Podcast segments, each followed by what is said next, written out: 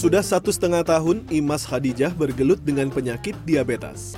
Kadar gulanya pernah mencapai angka 500 mg per desiliter saat pertama kali difonis diabetes oleh dokter. Di tengah perjuangan hidup dengan diabetes, wanita berusia 55 tahun ini tetap berpuasa di bulan Ramadan selama sebulan penuh pada tahun lalu. Tahun ini pun ia belum melewatkan satu pun puasanya. Imas bercerita, sebelum berpuasa ia sudah berkonsultasi terlebih dahulu dengan dokter. Dokter kemudian menyarankan Imas mengganti suntikan insulin dengan dosis dua kali suntik agar menyesuaikan dengan jam makannya. Selebihnya adalah dengan mengontrol makanan dan aktivitas fisik. Jadi kalau sahur e, disuntik dulu, makan, ya makannya mah ya sayuran gitu kayak nabatinya ya paling ibu paling tempe tahu apa gitu ya ikan gitu sama gitu makan mah cuman nggak banyak mm, jadi kalau sahur emang ibu suka agak dibanyakan sedikit dari biasanya. Buka juga sama.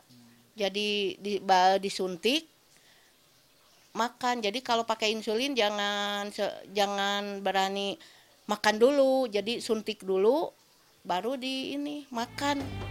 Bagi penderita diabetes, puasa memang bisa dilakukan selama tetap berada dalam pengawasan dokter dan rutin meminum obat atau insulin suntik.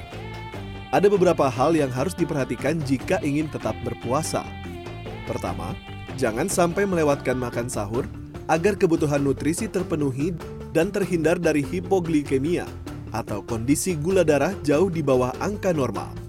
Upayakan sahur mendekati waktu imsak. Hindari pula makan berlebihan saat sahur dan berbuka puasa. Dan sebaiknya konsumsi makanan yang mengandung banyak serat Tips selanjutnya adalah tidak makan gorengan serta makanan yang terlalu manis saat sahur dan berbuka. Dan jangan lupa minum air putih yang cukup. Hindari aktivitas fisik yang berlebihan serta konsumsi obat-obatan diabetes sesuai dengan petunjuk dokter. Hal yang tak kalah pentingnya adalah penderita diabetes selalu mengecek kadar gula darah. Jika kadarnya di bawah 70 mg per desiliter atau di atas 300 mg per desiliter, segeralah berbuka puasa kalau memang ada tanda-tanda uh, harus uh, membatalkan puasa itu memang harus segera dibatalkan. Nah, tanda-tandanya itu apa?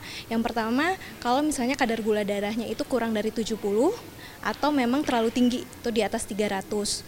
Nah, kalau memang kita nggak punya nih alat ukur mm, gula darahnya, itu kita harus memperhatikan uh, tanda-tandanya sih seperti kayak kalau hipoglikemi itu kayak apakah kita merasa lapar, kemudian berdebar, kemudian keringat dingin, uh, terus juga untuk hiperglikemi kayak misalnya haus banget atau ada nyeri perut.